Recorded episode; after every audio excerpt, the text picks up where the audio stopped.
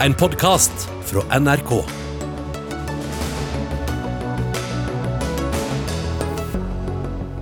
Først ble det lagt ned av universitetet. Nå vil regjeringen blåse liv i studiestedet Nesna igjen. Hvor ble det av universitetenes selvstyre, undrer rektor. For første gang er det én million alderspensjonister i Norge, og flere skal det bli. På høy tid å heve pensjonsalderen, ber Unge Høyre, for ungdommens skyld. To av tre kommuner gir mindre i sosialhjelp til familier som mottar barnetrygd. Dette må regjeringen få slutt på, sier Redd Barna, men det vil ikke regjeringen love. Og Forsvaret opptrer som en kristen organisasjon, sier troppssjef. Hvorfor har ennå ikke kristendommen og Forsvaret skilt lag? Dette er Dagsnytt 18, hvor vi også skal diskutere studiestøtten, og tar en tur til Glasgow, der desperate ord har falt fra talerstolen i dag. Jeg heter Sigrid Solund. Dramaet om Nesna fortsetter. For nå har regjeringen bedt Nord universitet om å videreføre Nesna på Helgelandskysten som kontorsted fram til 1.8.2023. Dermed må universitetet hjelpe til med å holde liv i en utdanning som den vedtok å legge ned i 2019, til store protester fra lokalbefolkning, studenter, ansatte og opposisjonen på Stortinget. Dag Rune Olsen, du er rektor ved Universitetet i Tromsø, skal vi si naboen til Nord universitet. Og du reagerer på Kunnskapsdepartementets utspill om å beholde virksomheten på Nesna. Men Senterpartiet, som nå sitter ved makten, var jo imot nedlegging. Hva er det som er galt med at de følger opp sin egen politikk? Eh, det er det jo ikke noe galt i i det hele tatt. Det som er viktig i vår sektor, det er at eh, man må la styrene få lov å gjøre den lovpålagte oppgaven de har. Ikke minst gjennom de tildelingsbrevene som vi får fra departementet hvert år, og gjennom de etatsstyringsmøtene som vi har. Det er jo slik at eh, både en, en eh, statsråd og et departement har i stor grad eh, rett til å instruere institusjonene. Men det er også slik at universitets- og høyskoleloven gir universitetsstyrene eh, noen rammer for hva de skal gjøre. Og da tenker vi at eh, hvis man forsøker å reversere styrevedtak, så vil det undergrave autonomien og troverdigheten, tilliten til, til styrene. Og Vi tror vel at eh, det som er best for regionen og institusjonen, det forvaltes godt gjennom styrene, som er jo lokalt, i stedet for å flytte beslutningene til, til regjeringskontorene f.eks. Og så er det jo slik at eh, Regjeringsplattformen legger jo opp til en tillitsreform, så vi ser jo fram til at universitetsstyrene skal få mer tillit til å forvalte det samfunnsoppdraget de får, gjennom tildelingsbrev og statlig styring. Mm. Forsknings- og høyere utdanningsminister Ola Borten Moe, nå ble det veldig fristende å spørre hvorfor dere skal sitte med dressen på inne i et kontor i Oslo og bestemme hvordan de skal holde på rundt omkring i landet? Det er fordi at vi har eh, gått til valg eh, på at eh, det skal videreføres høyere utdanning på Nesna. Nå har vi vunnet valget, og det bør jo ikke overraske noen at det får faktiske konsekvenser. Så Det store bildet her det er jo det at vi nå gjør akkurat det vi har gått eh, til valg på, og det bør jo ikke eh, overraske noen. Valg får altså konsekvenser i et demokrati. Men hvorfor skal det ikke få konsekvenser hva et styre har vedtatt for sitt eget universitet? Jo, og det der er egentlig litt grann det, altså det er ikke kinkig. Men i Grunnloven så står det det at alle beslutninger av stor betydning for kongeriket, det skal da Eh, fattes av Kongen i statsråd, altså av regjeringa. Den gangen man gjennomførte strukturendringer i universitets- og høyskolesektoren, så ble de beslutningene fatta i regjering. Så valgte den forrige regjeringa å ikke fatte den beslutninga hva gjelder Nesna. Der lot man styret fatte det her sjøl. Eh, vi mener at dette er en beslutning av svært stor samfunnsmessig betydning. Det er selvsagt en politisk beslutning. Det hører hjemme i et politisk organ. Og så er det ikke et det er ikke noen form for mistillit til styret i Nesna eller den jobben som Nord universitet har gjort, men det er rett og slett en understreking av at eh, vi mener at det skal være et finmaska nett av høyere utdanningstilbud til steds over hele landet. Vi er spesifikke på at Nesna skal videreføres, og nå iverksettes også den politikken. Men hva får dette å si, Olsen, for, for hvor mye og hva styrene da kan bestemme over universitetssektoren? La meg bare skyte inn at De forrige sakene som Kongen i statsråd har behandlet, det er jo nettopp etter forslag fra de forskjellige universitetsstyrene. Og Kongen i statsråd har festa lit til at det var gode beslutninger, som jeg tror det jevnt over har vært. Konsekvensene eh, hvis man velger å reversere styrevedtak, det er jo at man undergraver legitimiteten til styrene, noe som er uheldig og som utfordrer universitetenes autonomi. Og Det er jo noe vi ser. Man arbeider arbeidet ved universiteter over hele verden, og i særdeleshet i Europa, har satt eh, eh, universitetenes autonomi, eh, selvstyre, for i best å ivareta samfunnsoppdraget, satt det på dagsorden for å, å beskytte institusjonene best mulig. Og Hvordan skal universitetene klare å prioritere Ola Borten Moe, når dere kan komme og overprøve hva de har beslutta? Nei, nå er det også sånn at Motdebattanten min her, han er jo rektor ved Universitetet i, i Tromsø. Det ble opp oppretta av Stortinget, av et politisk vedtak. Eh, hadde det ikke vært for det norske demokratiet, så hadde ikke han hatt den jobben som han har her eh, nå i dag. Nei, men Hvor mye skal han bestemme, og hvordan skal han vite ja. når han kan bestemme noe, og når dere bare kan komme inn og si nei, men det gjelder ikke likevel? Og Så er det viktig for meg å si at også jeg er opptatt av uh, institusjonell autonomi. Og jeg mener at de aller, aller fleste beslutningene fattes best av universitetenes styre og administrasjon.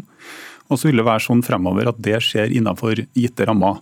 De rammene kommer til i all hovedsak til å bli gitt gjennom de ordinære eh, styringsprosessene og eh, mulighetene vi har for påvirkning og samtale. Og så er Det som er spesielt her nå den gangen, her, det er jo at det har vært et valg. Det har vært eh, altså noen som har vunnet, det har vært noen som har tapt. Og Det skulle bare mangle at vi nå ikke iverksetter de tingene som vi, vi, har gått til valg på. Ja, det, dere, det, det, kan være andre ting dere ikke har gått til valg, valg på, men som dere likevel ønsker. Altså, skal det nå f.eks. ikke være mulig da, å legge ned studiesteder for universitetene? Jo, men der er jeg eh, veldig opptatt av at eh, hvis det er store strukturelle endringer altså hvis du skal Hvor, legge ned, Hvordan vet man om det er stort og strukturelt nok? Jo, Det er det da opp til eh, meg å definere som ansvarlig statsråd. Eh, og Det er jo sånn det er i et demokrati. Og så er det jo sånn at eh, det som eh, altså Styrene vil få autonomi fremover, kanskje innenfor noe stramme rammer, stramme rammer enn det som har vært tilfellet tidligere. Litt mindre selvstyre? Jo, Vi kommer bl.a. også til å presentere svært tydelige eh, forventninger knytta til hvordan man ivaretar det norske språket, for å ta et annet eksempel. Men så er det sånn at når det gjelder da Nesna, det som skiller dette her fra den forrige regjeringa, det er at den forrige regjeringa slapp det her gjennom.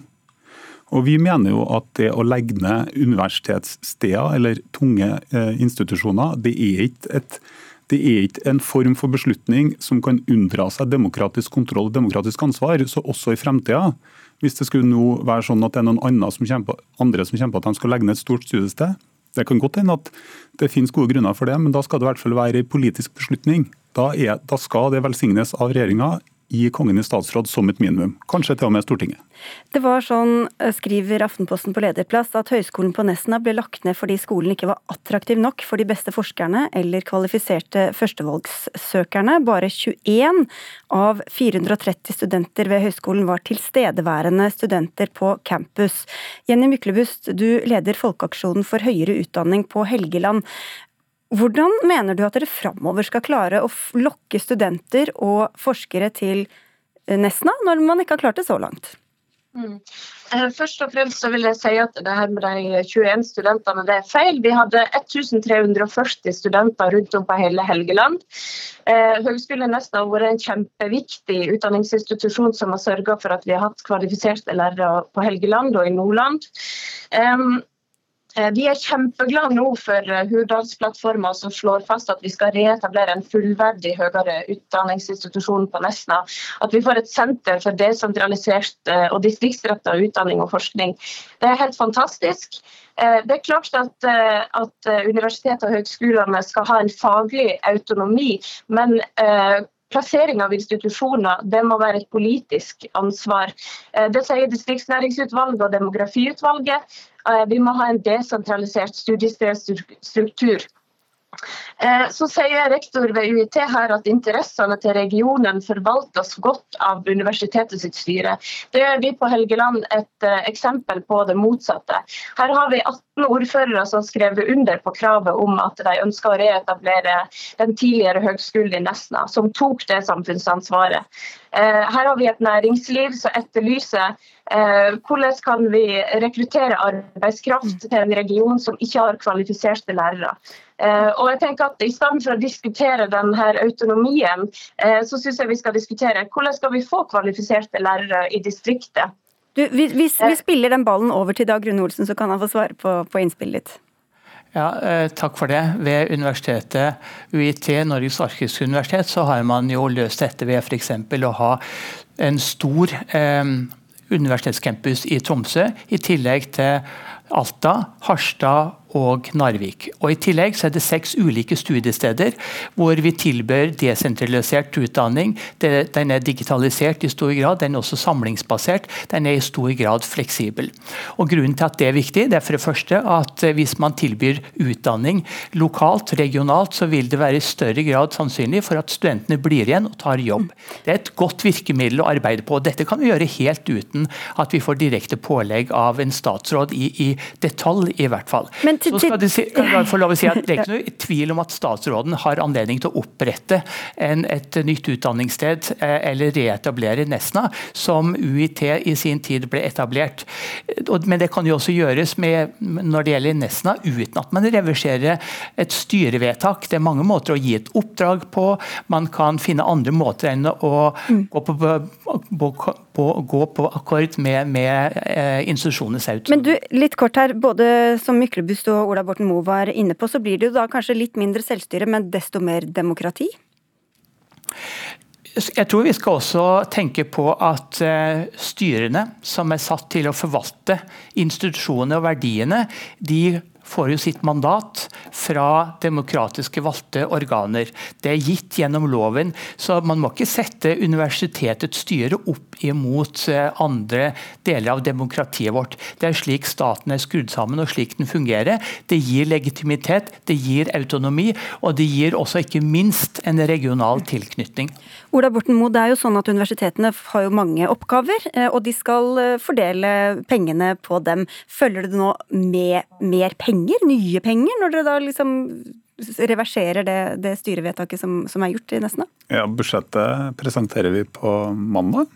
Så um, fasit uh, for det vil jo foreligge da. Og så er det viktig for meg å si at det er akkurat like demokratisk og realt egentlig å iverksette det som har vært kjent politikk, som å ikke skulle gjøre det og så skjule seg bak et styringssystem for å slippe å ta stilling. Jeg er helt sikker på at vi skal finne en veldig god løsning for Nesna.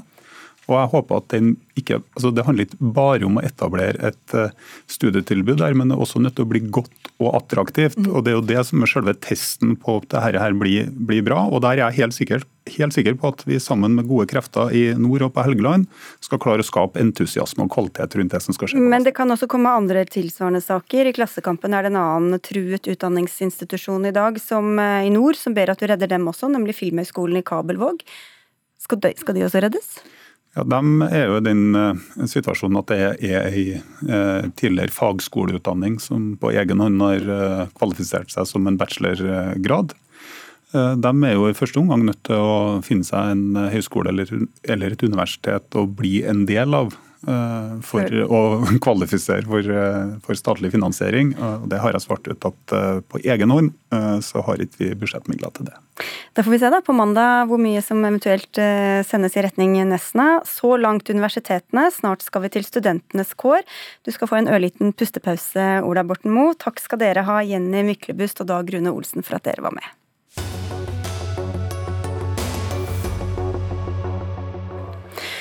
I Glasgow har den ene statslederen etter den andre gått på talerstolen i dag, og blant dem var den norske statsministeren Jonas Gahr Støre.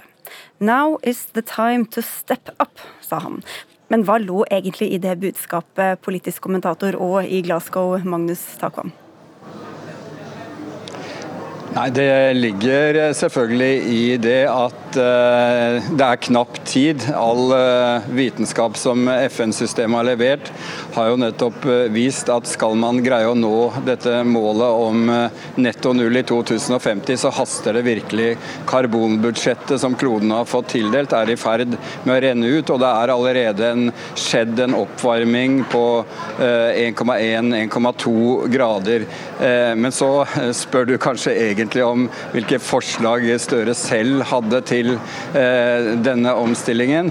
Og det vil jeg si var eh, kjente ting fra, fra norsk eh, politikk, i tillegg til at han bekreftet i annonseringen av økt klimafinansiering til den fattige verden opp til 14 milliarder dollar, og også dette poenget med at oljefondet skal få et mandat om å se klimarisiko hardere framover og sørge for at porteføljen i, i, som skattepengene våre går til i 2050, eh, er klimanøytral, som det heter. Og FN-sjefen har jo bedt landene om å gå bort fra kull og olje og gass, men det sa ikke Støre noe om. For Norges del, i hvert fall. Nei, Nei, altså eh, Støre har jo blitt kritisert eh, av eh, ja, miljøbevegelsen, særlig i det siste, for en del uttalelser han har kommet med, spesielt en i Financial Times, som man reagerte på fra miljøbevegelsen, ikke bare for budskapet om at Norge fortsetter med sin oljevirksomhet, men fordi han påsto, sier man da, at eh, alternativet er å stenge ned liksom i morgen. Sånn at, eh, det man reagerte på ved den måten, og som Støre kommenterte det på, var, var liksom at han konstruerte en, et standpunkt, en stråmann som det heter, som ikke fantes. Det, men det viser, føler jeg, at hele, hele skal vi si, konflikten om norsk klima- og miljøpolitikk jo ofte handler nettopp om, om, eh, om olje. Det har jo vært også veldig følelsesladde, sterke innlegg på talerstolen i dag.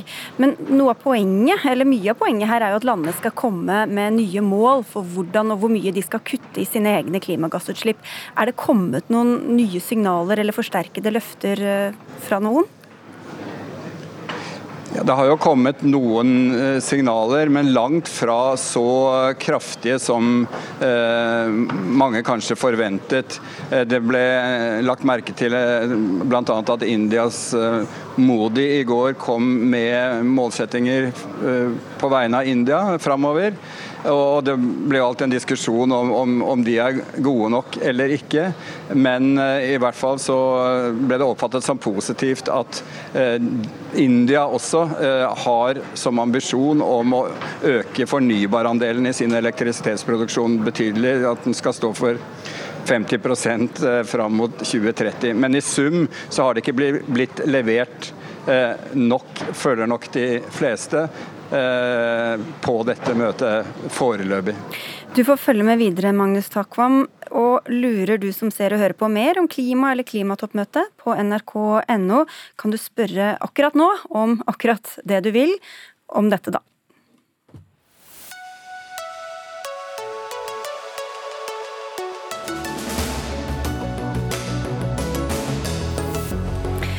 Studentene kan ikke regne med å få mer å rutte med til neste år. Det til tross for at regjeringen i Hurdalsplattformen sier at den vil gjennomgå studiefinansieringen med det mål å legge bedre til rette for både heltids- og deltidsstudenter.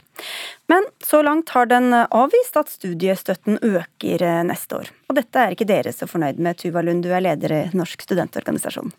Nei, det er vi ikke i det hele tatt. Vi er veldig skuffa og, og lei oss over denne uttalelsen. Og vi vi ser jo at våre studenter sliter med å betale regningene i dag. Eh, vi ser at våre studenter er avhengig av å få støtte hjemmefra fra sine foresatte, og de tar opp forbrukslån for å kunne betale for ting som mat og husleie og helsehjelp. Eh, studenter i dag lever for veldig veldig lite penger, og det er veldig problematisk. Og Så lenge situasjonen er sånn, så har vi ikke like muligheter til utdanning i Norge. og Det går også på bekostning av den tiden man har mulighet til faktisk å studere. Så vi er veldig skuffa over dette. Ut fra de signalene som er kommet og det som er sagt i valgkampen, hva var det dere hadde håpet på og kanskje til og med regna med? Vi har eh, to krav når det kommer til studiestøtte. Det ene er at det skal knyttes til grunnbeløpet i folketrygden. Det handler om at studiestøtten automatisk skal følge prisveksten i resten av samfunnet. Og det er ikke noe som ville kosta penger nå. Eh, det vi ser er at Sist Senterpartiet og Arbeiderpartiet satt i regjering, så sank studiestøtten veldig mye knytta mot grunnbeløpet i folketrygden. Så den reelle kjøpekraften til studentene gikk veldig ned de årene. Så vi hadde håpa på som en, som en start, var at man kunne knytte den mot et fast tall i grunnbeløpet. Og så håper vi jo at den kan økes, sånn at ikke sånn at studenter slipper å jobbe deltid ved siden av studiene, men sånn at man kan jobbe litt mindre og bruke mer tid på å fokusere på studiene sine. Fortsatt forsknings- og høyere utdanningsminister Ola Borten Moe skal sitere deg her. Når det gjelder den generelle støtten til studenter, er dette noe vi vil se nærmere på senere, men vi har ikke planer om å heve denne akkurat nå. Hvorfor ikke? Nei, det, nå snakk, tror jeg vi snakker om forskjellige ting. Eh, fordi at eh, Det vi blir utfordra på her nå, det er den generelle studiestøtta. Det er ikke det samme som at denne regjeringa ikke har tenkt å gå inn og gjøre ting for å bedre studentenes økonomi. Eh, og det er også klart kommunisert, i den grad vi har fått mulighet til det. Det var vel det jeg sa, da, den generelle ja, støtten til studenter. Akkurat. Ja. Men det er jo også eh, andre ting eh, som det er viktig å trekke frem, eh, som ikke handler om den generelle støtta. Men det vi har sagt at vi vil prioritere i Hurdalsplattformen, det er jo for det første å innføre en tolvte måned med studiestøtte for heltidsstudenter med barn. Eh, dem er det ca. 26 000 av. Eh, det mener vi også er et veldig målretta tiltak eh, inn mot lavinntekts barnefamilier, som vi vet er en utfordring i samfunnet som helhet. Vi har sagt at vi ønsker å øke utbyggingstakten av studentboliger. Det tror vi er et viktig tiltak, rett og slett fordi at husleie er kanskje den største enkeltutgifta som studentene møter. Målet vårt er 3000 studentboliger i året. Og så har vi andre målretta tiltak i første omgang som handler om eh, delvis gratis og halv pris på tannhelse opp til du er 25 år, som er en betydelig forbedring i forhold til hva som er situasjonen i dag. Så målrette i stedet for å gi rund baut, da? Det dette handler om at Vi har en stor gruppe med studenter i Norge i dag som ikke får betalt helt, helt vanlige utgifter som, som legeregninger, som, som, husleie og som utgifter til mat. Og Vi vet at studenter med barn som du drar frem som en gruppe, er spesielt utsatt. Det handler om at Man får ikke budsjetter til å gå rundt for seg selv og for sin egen del. For studenter som i tillegg til det har omsorg for et annet menneske, så går det i hvert fall ikke rundt. Og så handler det om at på studentbudsjettet vi har tall som viser at man går ca. 5400 kroner i minus hver eneste måned det er over 60 000 kroner i minus i løpet av hele året hvis man lever kun på studiestøtten. Man har ikke råd til å betale tannlege eller til å gå til psykolog eller å betale legeregningene da. Så dette med, dette med tannhelse er et bra tiltak, men det handler om at studentenes økonomiske situasjon er så, er så, dårlig og er så langt nede fra før av at dette er helt nødvendig for å bøte på. Og i tillegg til det så hadde vi trengt en generell økning. Men hvilke studenter er det dere mener har så god råd at man ikke trenger å øke den generelle støtten da? Nei, vi har ikke sagt at vi ikke skal øke den generelle støtten. Det vi har sagt, skal dere gjøre det da? Det vi har sagt er hva vi kommer til å prioritere første omgang. Eh, og Det er jo også det som jeg har eh, kommunisert utad, og det mener jeg er rett og rimelig eh, og ærlig. Og så er det jo selvsagt sånn at Hvis situasjonen i økonomien tillater det, så er jo økt støtte, generell støtte til studenter selvsagt ikke noe dårlig måte å bruke pengene på. Så vil jeg gjerne tilføre noen ting til.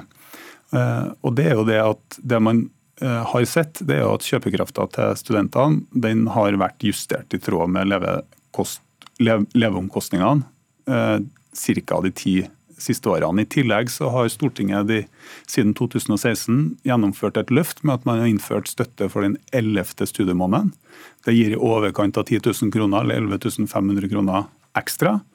Eh, og så ser vi det at det er, det er en del studenter som jobber, men timetallet man jobber, det har jo ikke gått opp. Altså det, man jobber i snitt av 8,7 timer i uka for å være pinlig nøyaktig.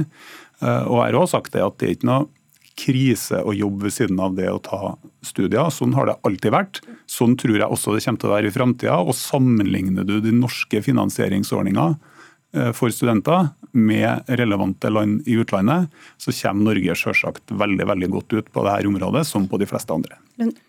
For det første så, så, sier at, eh, så, sier du at, studiestøtten har blitt justert ved, mot prisvekst i samfunnet. Det, det, stemmer jo ikke. Den har variert masse fra, fra, år til år. Sist dere gikk på i regjering, så var den på ca. 1,35 ganger grunnbeløpet i folketrygden. Når dere gikk av, var den på ca. 1,11, og så har høyreregjeringa økt den noe, så den er på 1,19 nå. Men den er fortsatt lavere enn da dere, da dere begynte i regjering sist. Og I tillegg til det så, så har vi helt nye tall fra Eurostudentundersøkelsen som sammenligner Norge med andre europeiske land. som som kom ut nå for to uker siden, som viser at andelen penger norske studenter får fra deltidsjobben sin, er på 53% mot 45% for noen år siden. Så den, den andelen man jobber ved siden av studiene, den de pengene man er helt avhengig av å få fra deltidsjobben sin, den andelen av pengene har, eh, den har økt. Men bare for å ta det første her da, Hvorfor ikke binde det til grunnbeløpet, så man får en økning på lik linje med andre mennesker i samfunnet? Jo, Det kan man selvsagt eh, diskutere, men jeg tror det er viktig å rydde opp i begrepsbruken. fordi at uh, Grunnbeløpet justeres jo utover lønns- og prisvekst, eller utover prisvekst, eller inflasjonsjustering. Så eh, Som regel når man justerer grunnbeløpet i folketrygda, så innebærer jo det òg ei reell kjøpekrafts økning. Det å kun øke eh, med inflasjon og, renter, det er jo at man opprettholder kjøpekrafta fra år til år. Så det er to forskjellige ting. Så, eh, så Det er selvsagt et prioriteringsspørsmål i statsbudsjettet. Det vil koste noen kroner over tid.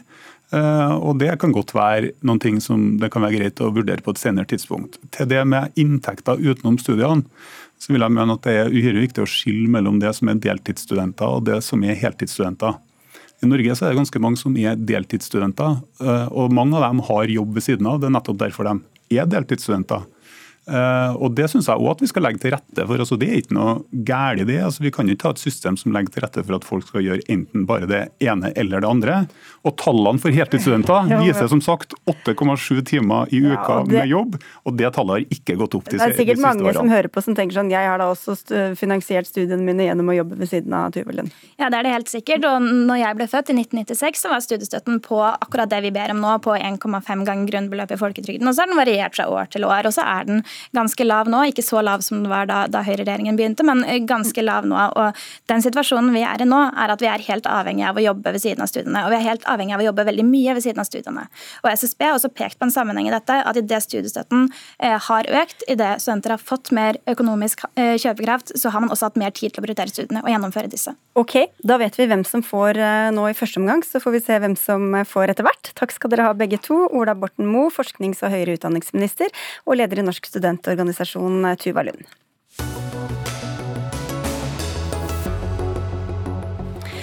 Får soldater i Forsvaret tvunget kristendom på seg? Det mener en vi får besøk av snart her i Dagsnytt 18. Men nå noe helt annet. Nå får for første gang én million mennesker i Norge alderspensjon fra Nav.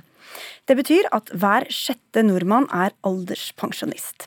Siden 2010 har pensjonsutgiftene økt med 42% en graf som kommer til å fortsette oppover.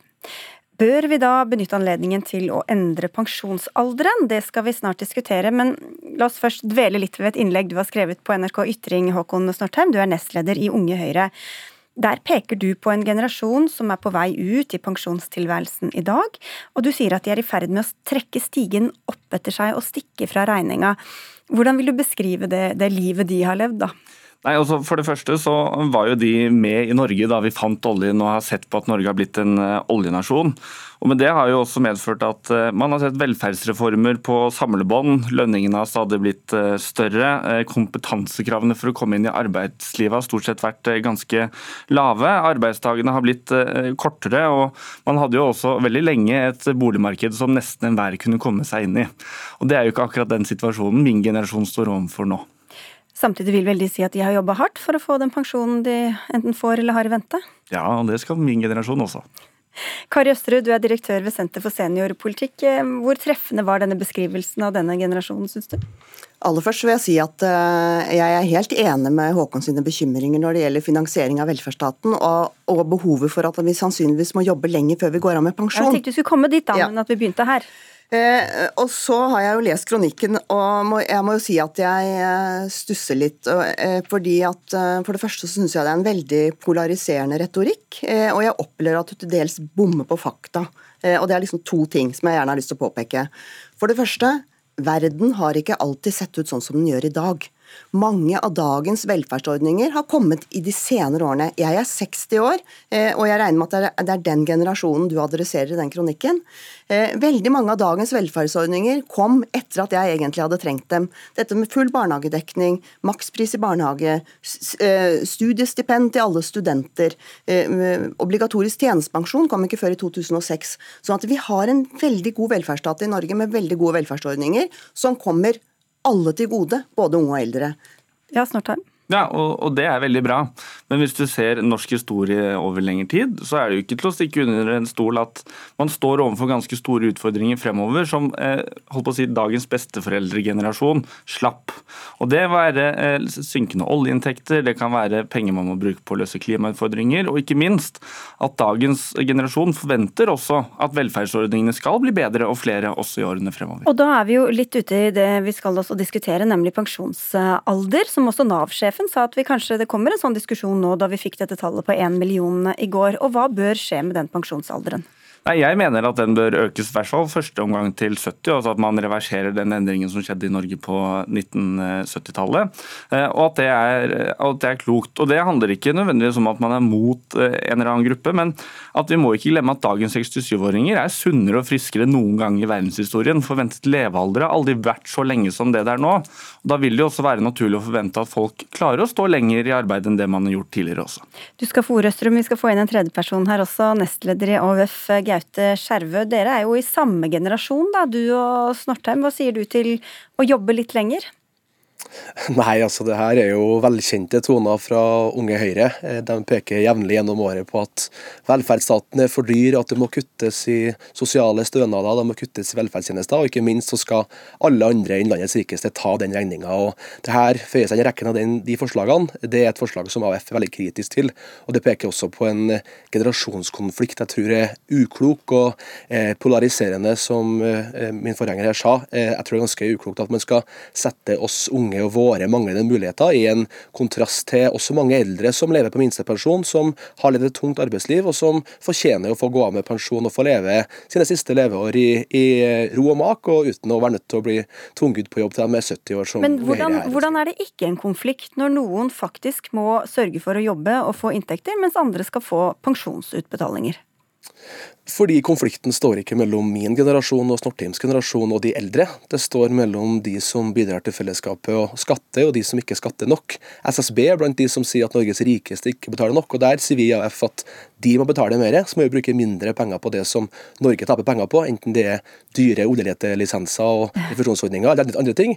Og Da tenker jeg at det er en helt feil ende å begynne i å si at dem som har jobba kanskje 40 år som renholdere i norske helsevesenet, skal nå tvinges til å jobbes eh, til de er 70 for å kompensere for formuesskattekuttene til Unge Høyre. Ja, for det er lett for en som ikke må lofte tungt eller slite hardt og jobbe turnus, Northeim, å si at alle må jobbe lenger? Nei, og også Hvis man ikke kan stå i arbeidslivet til fylte 70, så skjønner jeg det. og Det må man selvfølgelig ha ordninger som sørger for at man eh, også får den hjelpen. Men utfordringen fremover er jo at man frem mot 2050 eh, kommer til å gå fra dagens, altså hvor det er en pensjonist per fjerde, altså fire mennesker som er i arbeidslivet. I 2050 så kommer det til å være en pensjonist fordelt på to stykker i arbeidslivet. Så vi må stadig betale mer. Og Da står man overfor en utfordring, en økonomisk utfordring, et regnestykke som jeg aldri har hørt AUF forsøke å svare på. Og Hvordan er det man skal betale for den, da har man tre valg. Det ene er skal man øke skattene, det vet vi at AUF vil, men ikke så mye som det det krever. Skal man gi lavere pensjoner til de som har gått av med pensjon, eller skal man faktisk la folk få lov til å jobbe litt lenger, som jeg mener er den beste løsningen? Skjerve? Ja, men Det er jo en, helt, eh, det er jo en eh, ganske stor dissonans mellom det Snortheim peker på avgifter, og sier at tre år ekstra med arbeid for de aller eldste skal betale det. Det er direkte feil. og Snortheim vet at vi skal øke skattene, men vi ser også at det viktigste er å få folk ut i jobb. De siste åtte årene så har jo Norge hatt en dobling i antall unge uføre. Det må være en av Støre-regjeringas viktigste oppgaver, nettopp for å sørge for at flere bidrar til fellesskapet.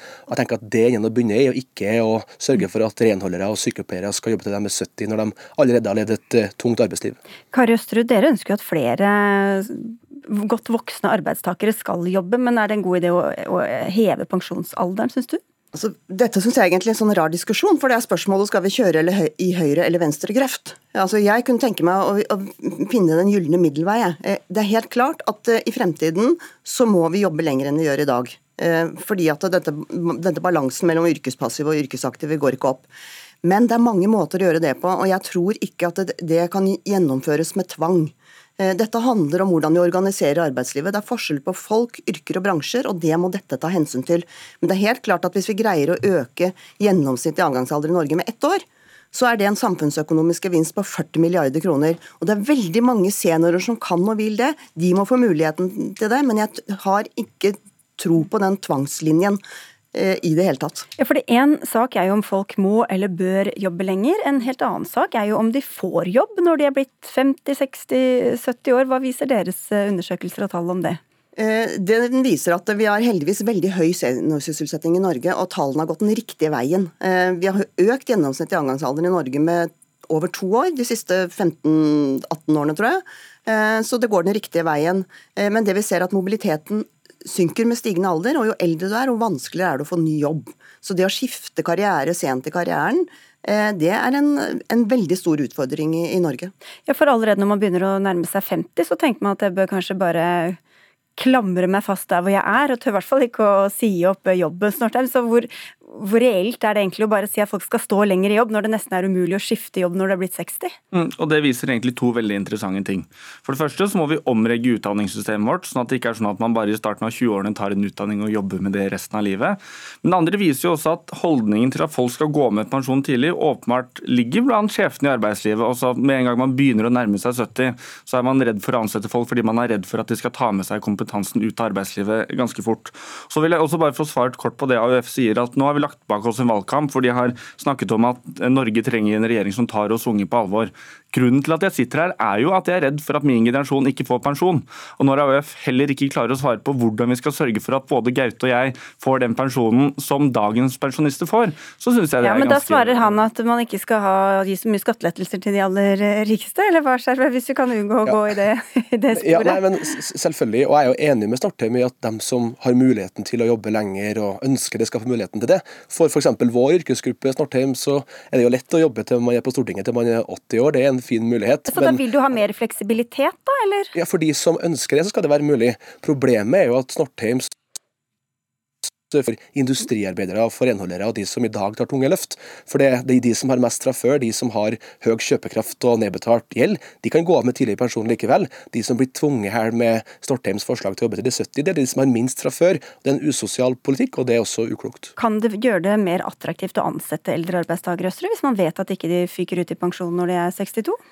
Ja, det tror jeg. fordi eh, Det er nok en, en sånn risikovurdering fra mange ledere hvorvidt de, om det er en for stor risiko til å ansette en eldre arbeidssøker. Eh, fordi at du er usikker på hvor lenge vedkommende blir i arbeidslivet. Men det, det er jo en ubegrunnet frykt. En 60-åring som søker ny jobb er nok ganske motivert for å jobbe veldig lenge. Men hvis jeg kunne få kommentere på dette med pensjon fordi at jeg har behov for å avlive en myte om at du og, og, og, og dine like gamle at dere vil få veldig mye mindre pensjon enn dagens pensjonister. Det vil dere ikke få. I et livsløpsperspektiv så vil dere omtrent få like mye. Forskjellen er at dere må ta ut pensjon senere, men dere vil også ha mye lengre levealder. Sånn at eh, i gjennomsnitt så vil du få sikkert omtrent like mye pensjon som en gjennomsnittlig pensjonist i dag. Man har bare forskjøvet tidspunktet man jo, er pensjonist. Men det er kanskje ikke like gøy å leve de siste ti årene hvis man blir 100 år eh, som hvis man blir 80. Altså At man lever lenger er jo ikke gitt det samme som at man er sprek de siste årene. Ja, men når man sier at dette er en, en, en konkurranse mellom unge og eldre, det er det ikke. Eh, dette, altså, vi må gjøre dette til en ikke en generasjonskonflikt, eh, men en generasjonskontrakt. Eh, men forskjellen er at når vi lever lenger, så må vi starte pensjonsuttaket lenger, men til gjengjeld så får man da også pensjon lenger. Og, og til syvende og sist så vil du få omtrent det samme i pensjon som dagens pensjonister får. Snart her. Jeg er også helt enig i at det er viktig å ha flest mulig lengst mulig i arbeidslivet. og Derfor deler jeg også eh, Jo, men til dette som hun sier her, da, at det er ikke sånn at din generasjon får det så mye dårligere enn de som er 60 i dag? Nei, og Premisset hennes er jo så åpenbart at vi må stå lenger i jobb. Og Det er jo da også utfordringen. Nå har vi også et AUF her som nekter å ville øke eh, pensjonsalderen. og Da kan man jo også igjen spørre de hva deres løsninger er. Jo, men, kan, men han sa jo at man, for noen kan det være lengre, altså bra å stå lenger i jobb, for andre ikke. Er det ikke egentlig akkurat det samme du sa nettopp, da? At de som ikke kan stå lenger i jobb, de skal ikke stå lenger i jobb, men de som kan det, skal stå lenger i jobb. Ja, og hvis det er AØS vedtatte politikk, så er det strålende for den økonomiske bærekraften til landet vårt, men jeg har til gode å se det i reell politikk. Ja, Er dere egentlig helt enige, Gaute Skjervø? Nei, vi er ikke enig i at de som har jobba lengst, nødvendigvis skal tvinges tre siste år av eh, yrkeslivet til ekstra til nye år. Eh, jeg tror Snortheim begynner i helt feil ende, og jeg tror nesten du må være høyremann for å tenke at velferdsstatens største problem i dag er at det er for lukrativt å være pensjonist. Og de som ikke fikk med seg hele budskapet ditt, snart, kan gå inn og lese på NRK Ytring. Vi sier tusen takk til deg, og tusen takk til deg, Kari Østerud, direktør ved Senter for seniorpolitikk og nestleder i AUF Gaute Skjervø.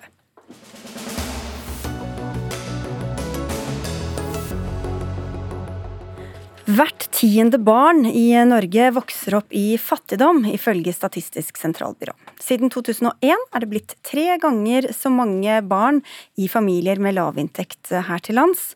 Mange har lovet å gjøre noe med det, men uh, imens benytter to av tre kommuner seg av et omstridt trygdegrep som rammer nettopp disse barna. Det de gjør, er å regne barnetrygden som en del av inntekten til folk som får sosialhjelp, og kutter da dermed i sosialhjelpen. Monica Sydgaard, du er leder av Norgesprogrammet i Redd Barna. Hvordan slår dette grepet ut i praksis? Det rammer jo de barna som trenger det aller, aller mest. Altså Alle i Norge som har barn, får jo barnetrygd på toppen av lønna si.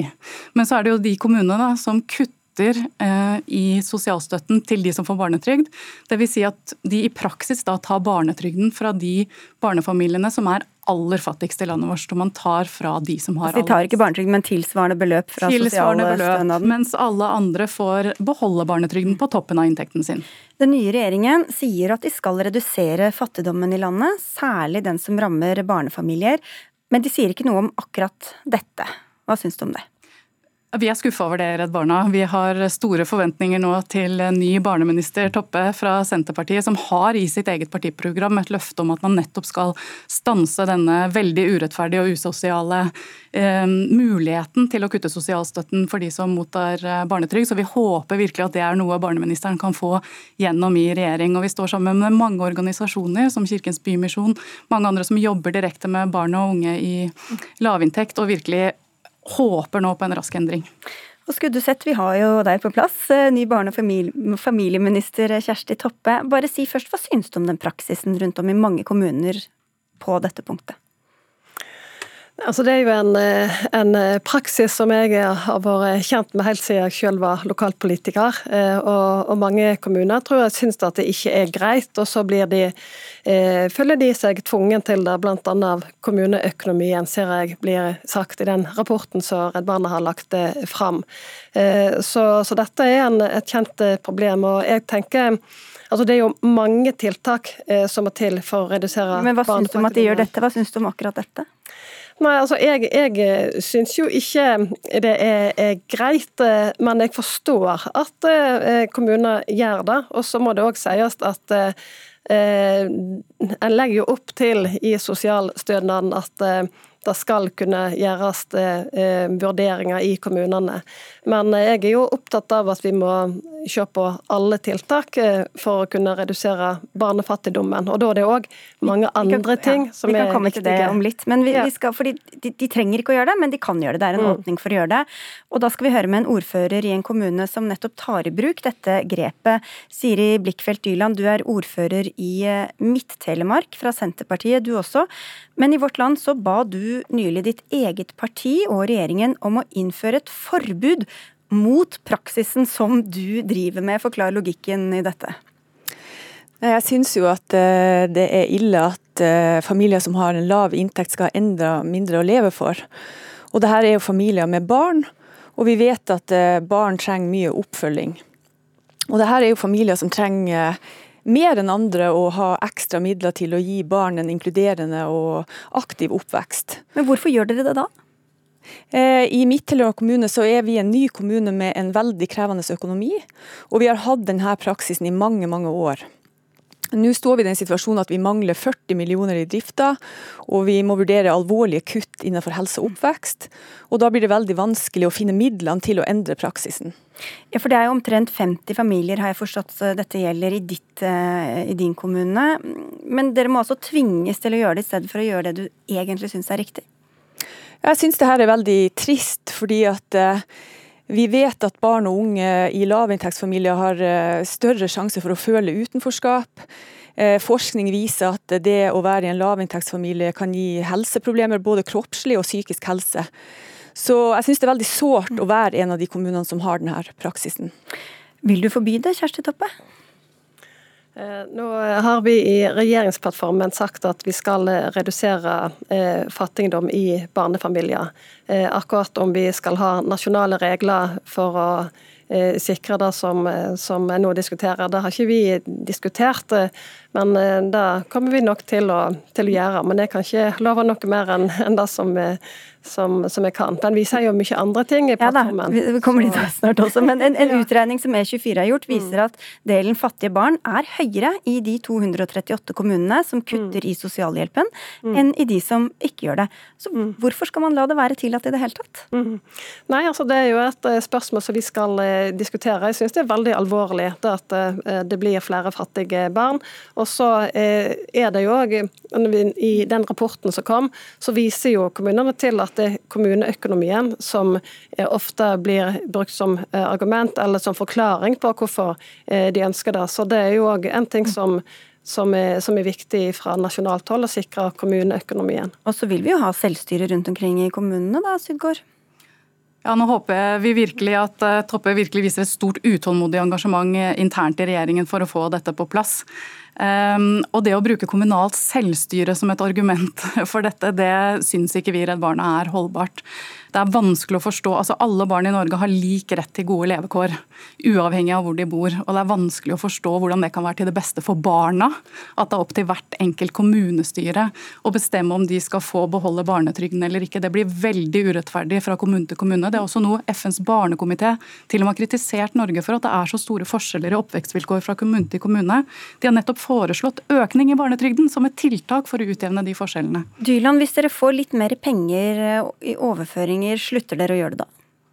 Ja, det gjør vi absolutt. Og det er jo noe som jeg vil oppfordre barne- og familieministeren til å endre denne praksisen, altså forby den i Norge. Og så, samtidig så ber jeg om en kompensasjon, da, sånn at vi i kommunene har en økonomi til å klare det. Toppe. Mm. Eh, dette handler jo eh, om en eh, regulering av sosialstønaden. så sånn, bare for å ha Det på regne. Det er ikke ditt departement, egentlig? Det er ikke mitt departement. Nei, dere snakker jo sammen. Ja da, og vi skal jo i fellesskap gå inn og se på denne eh, saka. For vi har veldig tydelige mål i regjeringsplattformen. Og hvis jeg nå Nå tenkte jeg du skulle få lov! for å snakke litt om det, og det er faktisk enormt viktig. Det som vi har vært tydelige på at en skal sikre universelle velferdstilbud til, til barn. Eh, at en skal eh, sikre billigere barnehager, eh, SFO, skolemåltid, bostøtteordning. Alt dette her er jo kjempeviktig for at det blir mindre regninger i postkassen til disse barnefamiliene. Og vi skal òg ha en lav inntektskommisjon som skal se på, på, den biten av det. Og det er helt mange tiltak som vi må Eh, ja, ha ansvar for, for å kunne redusere ikke barnefattigdommen, men barn i fattige familier. Her må du velge dine ord med omhu, for ja, altså, det er mange som står klare til å påminne om hva du har sagt. Det er ingenting som heter fattige barn, sant? det er fattige voksne, og, og vi må ha en omfordeling eh, for å ja, for å redusere antall fattige voksne eh, og fattige barnefamilier. Men få høre med Redd Barna da, om alle disse andre tiltakene. Hvorfor er ikke det vel så bra som akkurat dette ene? Jo, det er veldig positivt. Det fortjener regjeringen virkelig ros for. At man vil gjøre det billigere både å gå i barnehage og gå på SFO. For, for Særlig for barn i lavinntekt så vil jo det gjøre at kanskje flere får tilgang til det. Men det reduserer jo ikke fattigdommen. Fordi at For å få flere barn ut av fattigdom i Norge, så må du faktisk styrke familieøkonomien i seg sjøl. Du må få mer inn. Og nå er det faktisk en fattigdomskrise i Norge. Det er 115 000 barn som vokser opp i vedvarende lavinntekt. Det er en tredobling på 2000-tallet. Og det er en enighet også i forskningsmiljøene om at barnetrygden Trygden er den enkeltstående stønaden som virkelig kan få til tusenvis av barn ut eh, av fattigdom. Så her må det handles raskt, og vi er utålmodige på vegne av barna. Ja, for de som ikke har de som holder barna hjemme fra barnehage og skolefritidsordning, kanskje, fordi, kanskje av økonomiske grunner, dem hjelper jo ikke disse tiltakene. Mm. Nei da, men for, eh, for, en del så kan det øke det økonomiske handlingsrommet. Men vi er jo helt enig i at barnetrygde barnetrygd er en veldig viktig universell ordning. Og vi slår jo fast at den skal verken behovsprøves eller skattlegges. Den er viktig, for den når alle barn.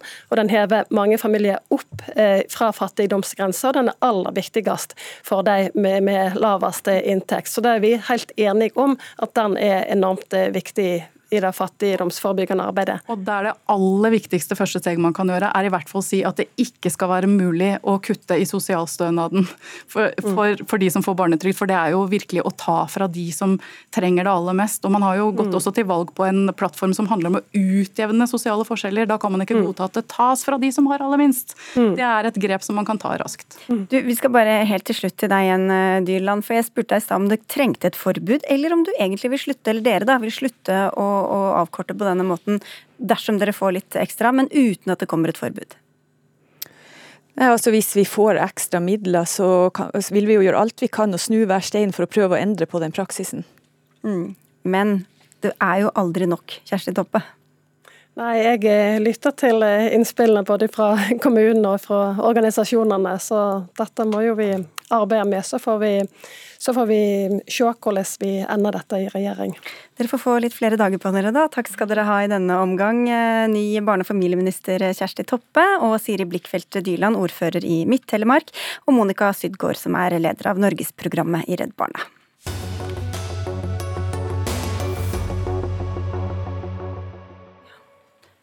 Um, ja, det er bønner, det er prester, prekener og gudstjenester. Vi snakker ikke om hverdagen i en kristen menighet, men om hverdagen i Forsvaret. For til tross for at staten og kirken offisielt skilte lag i 2016, så lever fortsatt båndene mellom Forsvaret og kristendommen. Det skriver i hvert fall du på NRK Ytring, Stian Husby. Du er løytnant og troppssjef i Hans Majestet Kongens Garde, men du er her nå på egne vegne. Du skriver sitat, at du finner det vanskelig å karakterisere Forsvaret som noe annet enn en kristen organisasjon. Sitat slutt. Mm. Hvorfor er det sånn? Jo, eh, det går jo egentlig primært på at eh, det er en del kristne ritualer som har en veldig fremtredende plass i Forsvaret. Eh, som du er inne på, det er bønner, det er preken, vi har forskjellige seremonier, f.eks. For avslutningsseremonien på på krigsskolen. Der, eh, der, det foregår i et kapell. Vi har årsdagen på krigsskolen der eh, vi årlig drar til Grorud kirke. Eh, presten har jo en veldig tydelig og formell plass i avdelingen. Lista er ganske lang, da. Mm. Og, og, hvor lett er det å si 'nei, dette blir ikke jeg med på'? Det opplever jeg som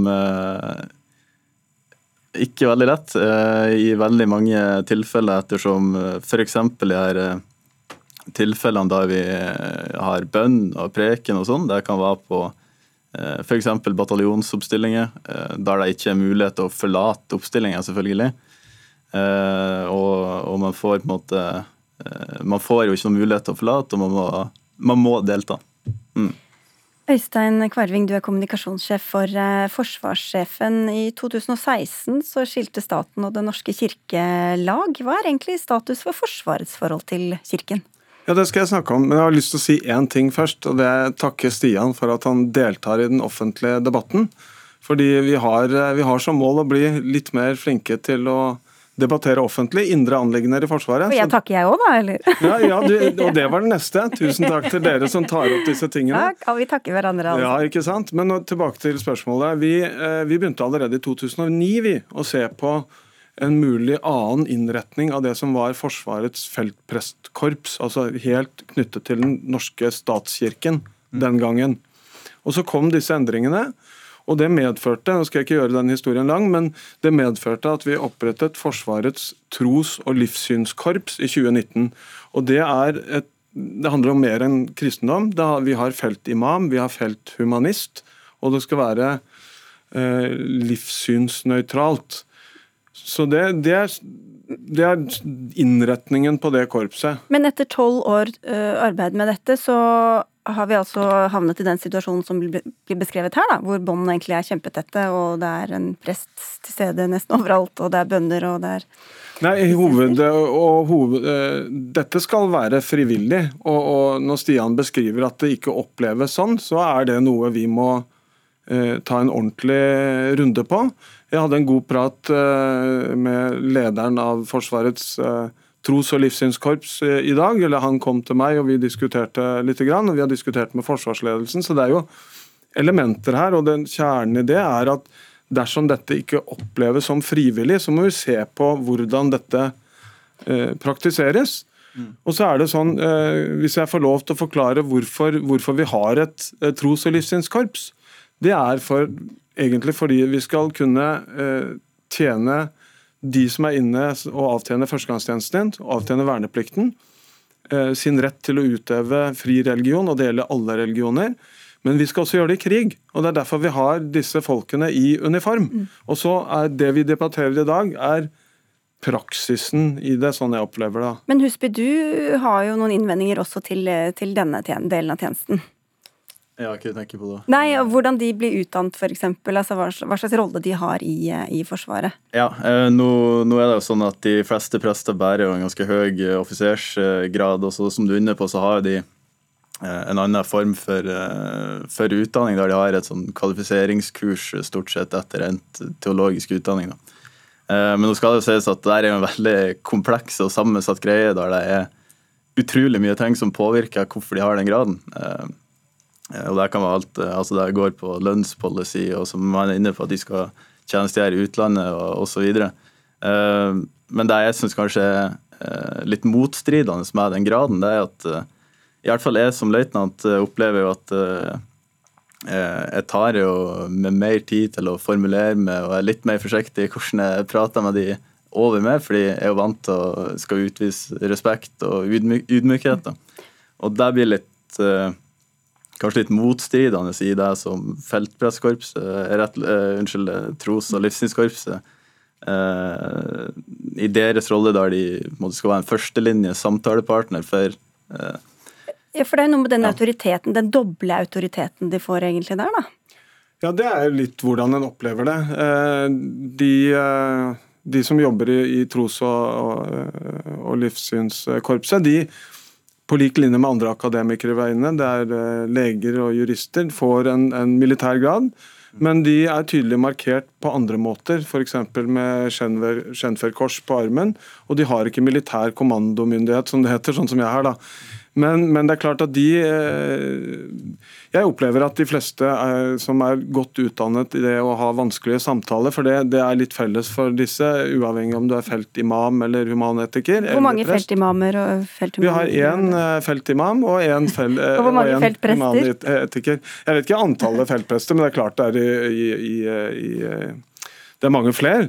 Poenget er at eh, Det er et annet poeng ved det. for så vidt, det er at eh, det, eh, De ulike religionene og kirkene og trossamfunnene i Norge de vet at de kan gå inn til Forsvaret gjennom dette korpset, hvis det er folk som har behov for spesielle ting, dersom noen dør f.eks., mm. at de blir behandlet i henhold til sin religion. Stian Husby, hvordan vet du at dette ikke bare er litt tilfeldige, for ditt tilfelle uheldige situasjoner som, som du har opplevd, men at dette er mer gjennomgående enn som så? Ja, eh, det er jo som jeg var litt inne på i starten, altså her er jo ikke på en måte tilfeldigheter. Det foregår jo ganske ofte. Eh, I Garden nå, der jeg tjenestegjør, så har vi jo hatt eh, ja, to bataljonsoppstillinger de siste fire-fem månedene. og Vi skal ha en til nå førstkommende fredag. Alle de inneholder jo bønn og preken osv. Som inne på, på krigsskolen, så har du årlige tradisjoner som innebærer bønn og preken osv. Så, så her er jo på en måte Det er jo inn eh, altså det er systematisk, vil jeg si. Mm. Det trengs en opprydning her? Jeg tror ikke det trengs en opprydning, men jeg tror at vi, vi, vi må minne oss selv på at også i, i, det norske samfunnet, det står i Grunnloven, er tuftet på kristne verdier, så det har en eller annen særstilling her. Men det jeg tror vi trenger å gjøre, det er å gå grundig gjennom det som er aller viktigst for meg, at det er frivillig. Og at man ikke havner Høres det frivillig ut? Det Nei, det gjør jo ikke det sånn han beskriver det. og Det er derfor vi har snakket i dag om at uh, dette må vi se litt nærmere på. og Det er derfor jeg også er glad for at du tar opp debatten. da, Så får vi vite hvordan dette oppleves på en ganske ganske tydelig måte, så det, det, er jeg glad for. Da får vi avslutte med å takke hverandre igjen. Ja. Samme sted vi begynte. Mm. For nå har vi ikke mer tid. Takk skal dere ha for at dere kom, Stian Husby, løytnant og troppssjef, men altså her på egne vegne, og Øystein Kvarving, kommunikasjonssjef for forsvarssjefen. Og da må vi si takk for følget. Anne Katrine Førli, Hanne Lunås og jeg, Sigrid Solen. Du har hørt en podkast fra NRK. Hør flere podkaster og din favorittkanal i appen NRK Radio.